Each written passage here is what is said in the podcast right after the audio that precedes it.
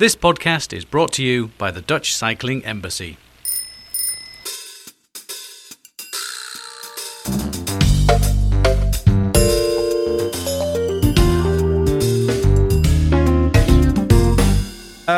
Ladies and gentlemen, welcome to the Metropolitan Mobility Podcast. Uh, today uh, we're going all the way to Great Britain uh, and we're going to, to, talk to a professor. Uh, my name is Geert Kloppenburg and I've got around about 17 years of experience uh, in the field of mobility. And we talk to scientists, we talk to entrepreneurs, and we talk to policymakers about essential questions. How can we keep metropolitan areas or even countries uh, uh, make them better accessible and livable. Um, and who have we got in the show from Great Britain?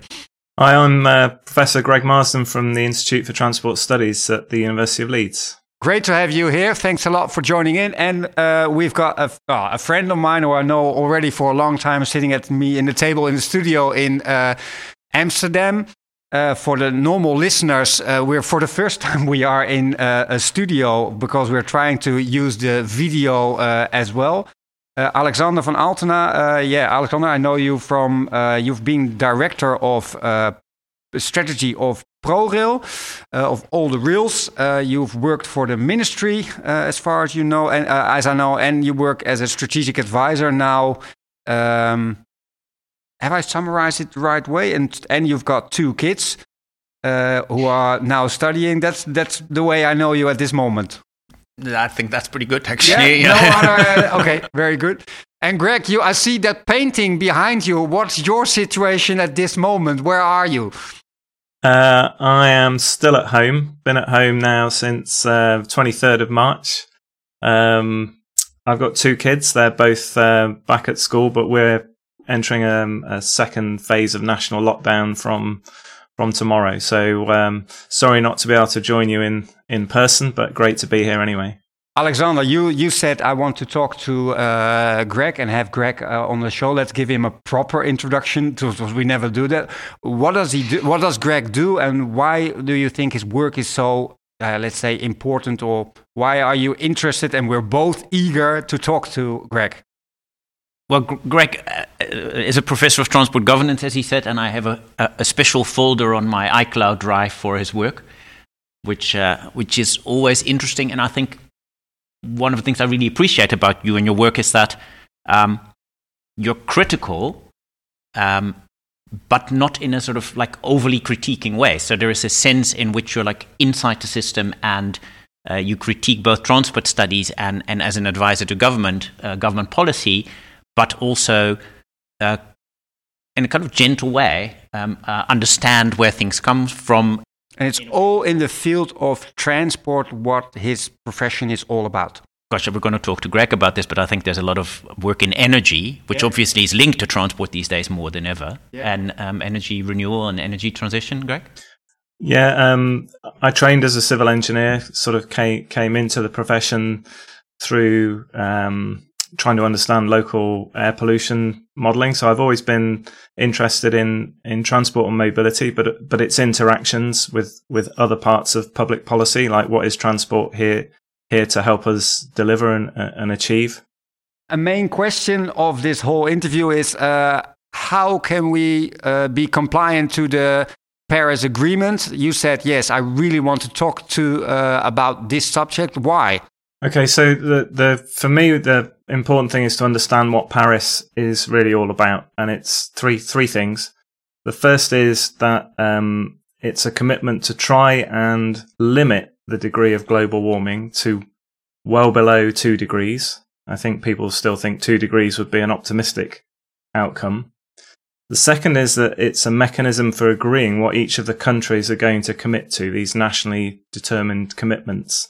And what it means for countries like the UK and the Netherlands for transport is essentially surface transport is zero emissions by 2050. But on top of that, what, what's important is that um, the climate science is about the total amount of carbon dioxide we can put into the atmosphere. So it's not about just about what happens in 2050. It's about a fixed budget that we've got to achieve and therefore a trajectory on the way. And I think what's not understood is that we have to act now and we have to make a, a change and an impact every year on the way. And for every year that we don't do that, we're leaving a problem for our children and our grandchildren that we currently don't know how to solve. And have you got an idea that we are on our way, or are we in any sense uh, achieving that goals in, let's say, Great Britain or Europe? If you look at the data, then we haven't cut emissions uh, from 1990 levels. So we've had 30 years of no progress. So it will be hard for anyone to say that we're on track. That's not to say I'm completely pessimistic about the position. So for sure, we can see that there's real signs of innovation in the, the vehicle manufacturing market, uh, electrification, particularly of cars and vans. And is that enough then or not?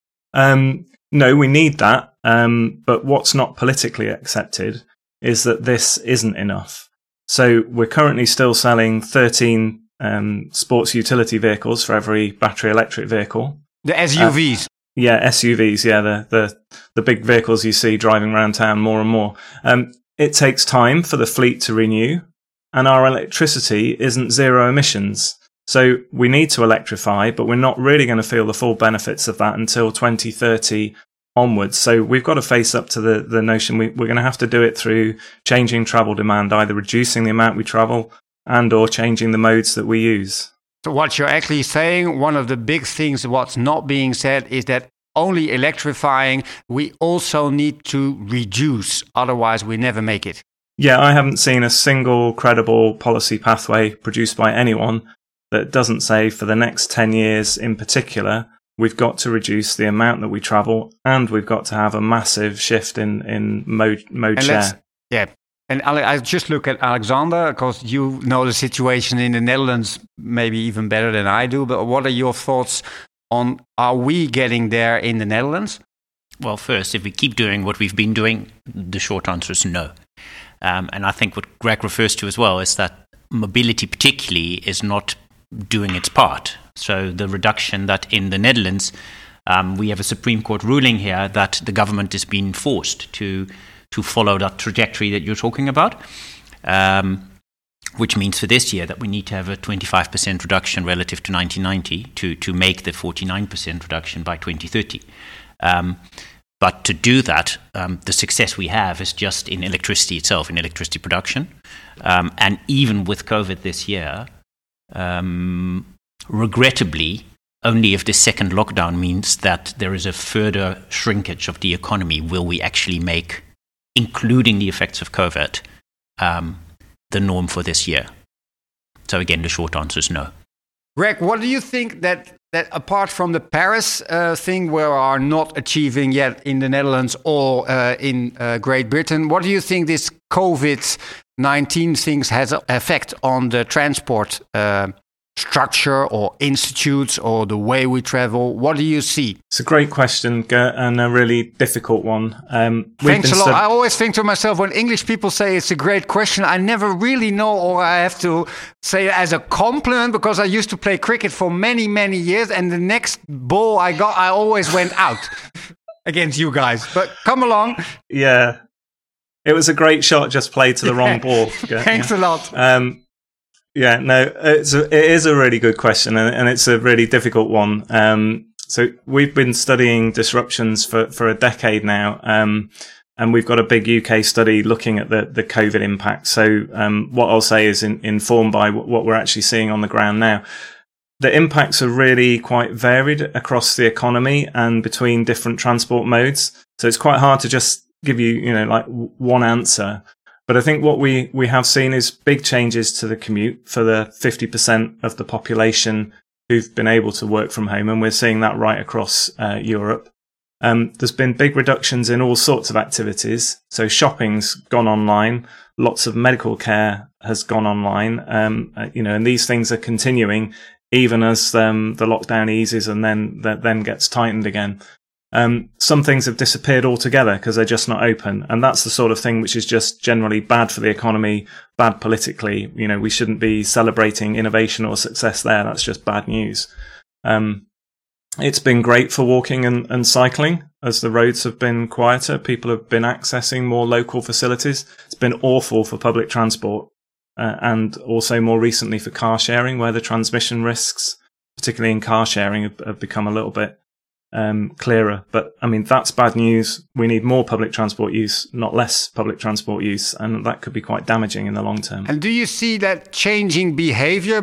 They always said changing behavior was not possible. Now we're seeing the biggest change now. But do you think that changing behavior will be permanent? Yes. Yeah, so, um, our research over, over the last decade has shown that people are much more adaptable than our research models and our policy understandings typically allow for. So people can make bigger changes.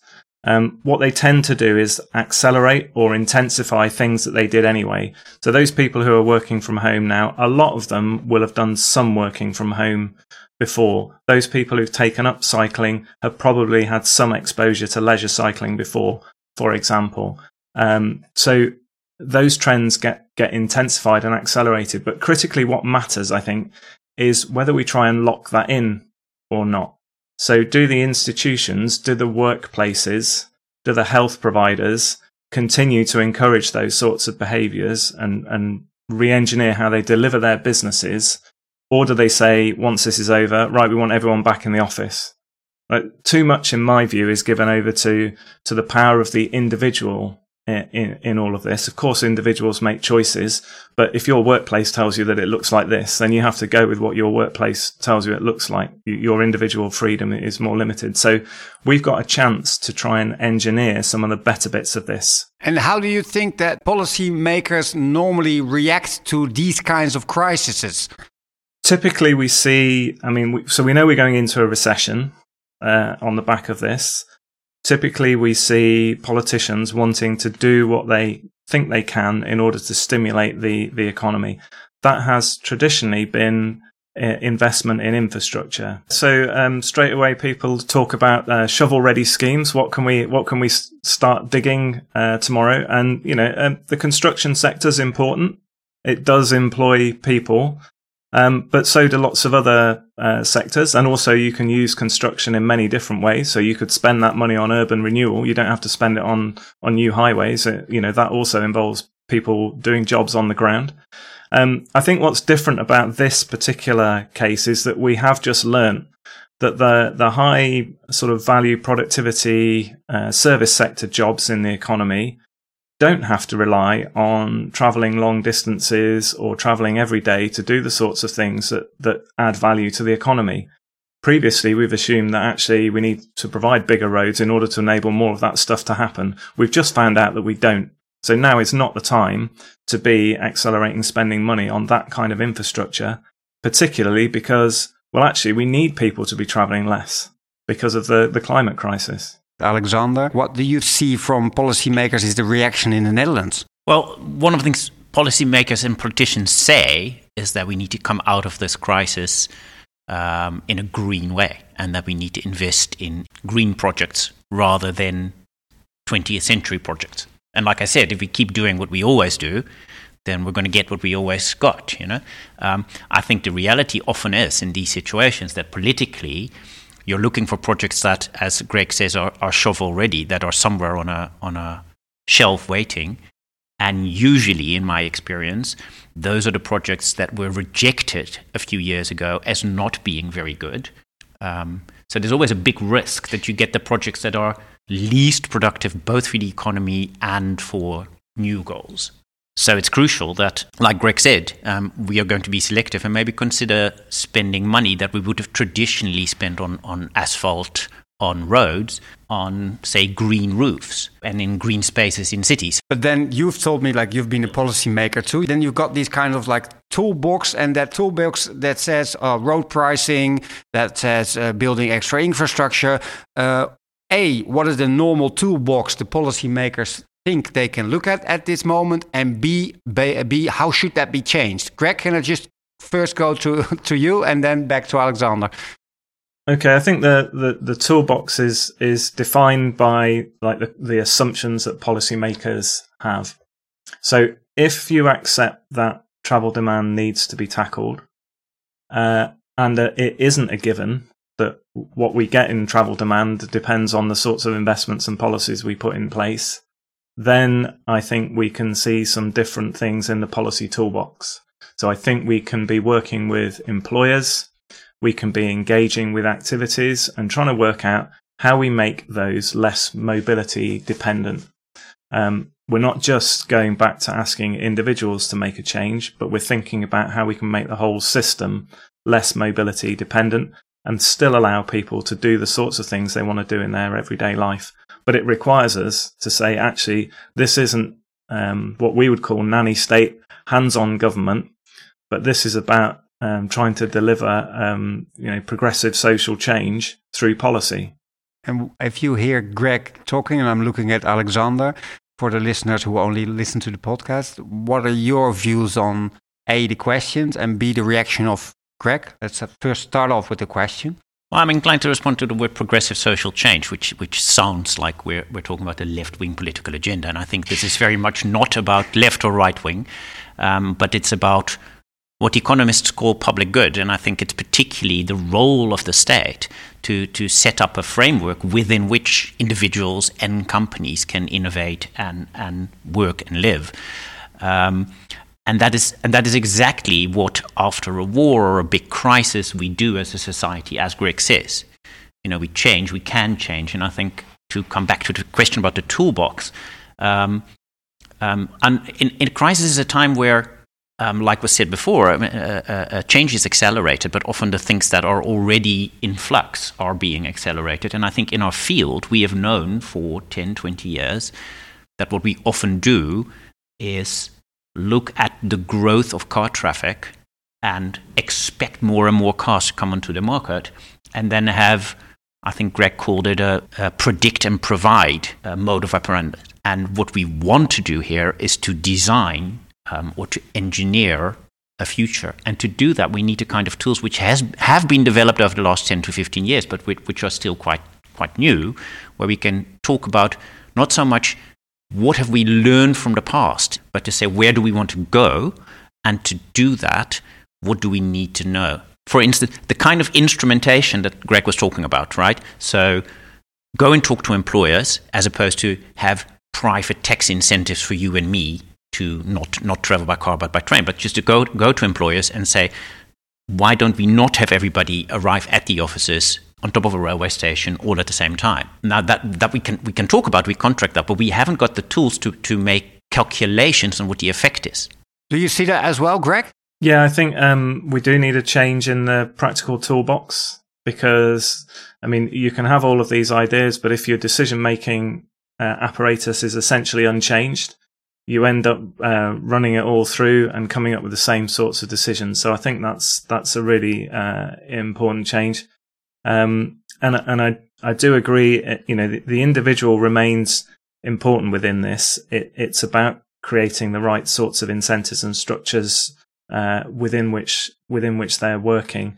It's been put to me that you know if if you made companies um, responsible for the emissions for their commute, for example, as part of their corporate social responsibility, that you immediately uh, place a focus and an emphasis on them driving that down. And that helps everyone to have to think about how they're going to work together to deliver this.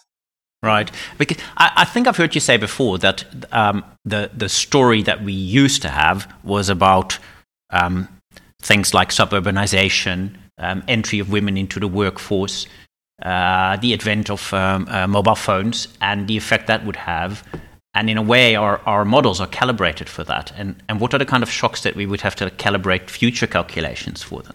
I'd like us to think a bit more about um, the activities that we do. So if we broke down our thinking about travel demand into you know the the things we do in our everyday lives, then we can think about how different sorts of shocks or different policy needs, where might we be able to turn the dial on on travel demand?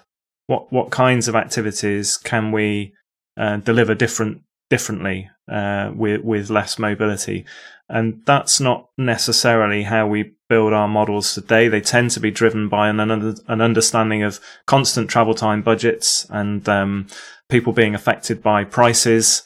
Uh, of course, people are affected by prices, but we have shown there's an awful lot more adaptability out there than we'd previously thought. The notion of a constant travel time budget, I don't sign up to.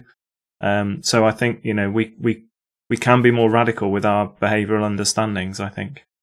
Right. I suppose actually when you think about travel time and the cost of travel time, which is the way we calculate the effect of infrastructure. When we all have um, automated electric green vehicles, then then we can either read a book or watch a movie or do some work in these vehicles. Uh, You see me nodding, and I'm like, because traveling time, losing traveling time is almost the center of all our traffic models in the Netherlands. Like, that's like the main thing we're looking at.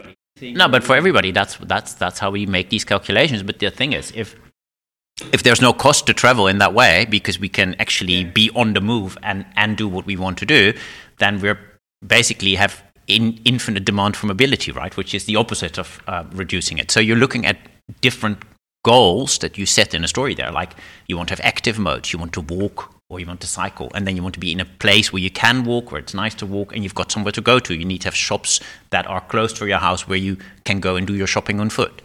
Um, and that is a very different policy goal from saying we need to reduce people's travel time while they are on their way to work. I mean, it, it's a funny thing that we're in now where, um, you know, actually sometimes you just don't need to travel at all. But I guess when we get back to being able to travel more, when we do go on a, you know, on a two or three hour business trip, we'll want that to be as good as it, as, as it can be. but that's not for every journey and it's not all the time. So how does that fit in with the way we, we currently think about the world? It, it, it, it's, it's a different way of looking at it. And if, Greg, you, with all your knowledge, would say like two policy measures, or maybe three or one, say, okay, these ones I would advise to governments to, to do as quickly as they can. Yeah, my number one is um, sharing. So we've got lots of mobility moving around the system, but we use it terribly inefficiently. So average car occupancy in the UK is 1.6 and it's 1.2 in the commute uh, in the peak period. We could fulfill a lot of people's mobility needs um, with fewer vehicles if they're more shared and more intensively used. So I think that's an on-demand system. It requires thinking about mobility hubs, um, where we need higher and low capac- lower capacity modes, how we connect them to bike and walk. Um, but it's a world in which the movement towards shared autonomous vehicles, if they come, would fit rather than a world in which individualized autonomous vehicles, which, which could be, I think, disastrous for, for cities. Um, and I think the second thing which I'd link to that is pricing reform. So electric vehicles, which we know are coming, a fraction of the per mile cost of, of driving an internal combustion engine vehicle because of the taxation systems we've got. And that's going to be really difficult to change because electricity is also, you know, about domestic use and, and heating and all, all sorts of other uh, things. So if we don't reform pricing, we're going to end up with a system where it's cheaper to drive, where it, there's less incentive to share, uh, and where the, so the incentives will be to drive more, uh, and we'll end up undoing some of the cycle that we're in at the moment, where people are looking to to travel less. So pricing and space allocation that help to support the on-demand future go with that. It's very clear. This uh, no. Uh, uh, have you got anything to add on that, Alexander? Yeah, I think instruments. So to achieve that, I think the government uh, we forget is is buying public transport. We go out for tender and we have concessions, and I think we can um, we can basically ask for different things for for a combination of modern small units, uh, highly frequent shared vehicles, and buses and trains in our concessions. And I think use the power, the buying power the government has, and maybe even try and test that and do one over the next 24 months, you know, and, and learn how to do it. And I think the second thing is that governance and civil servants, they need clear goals, um, you know, like numbers that they can work towards. So I would say that currently, uh, I know in Amsterdam, or I've heard in Amsterdam, 70% of our surface is paved. Um, and I think, you know, if we say, well, let's make that 40%. Yeah. That is not a c- concrete goal at all. No, no, but there's nothing. But if you say we go from 70 to 40%, that's still like, you know, a bit less than half. And over the next 30 years, every year we get rid of 1% of the paved surface Yeah. in our cities.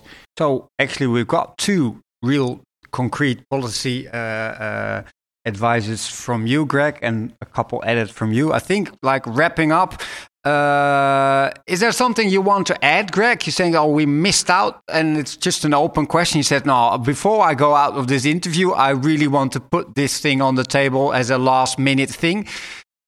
The only thing I'd say is we, we just we cannot afford to lose sight of the fact that climate change is a binding constraint, and there's lots of really you know exciting choices that could be made, but they have to be choices within a, a world which is defined by these climate constraints. It is an emergency, um, and we have to treat it as such. And until we do, I think we'll you know the, the possibility of just drifting along as we've done before is is very real.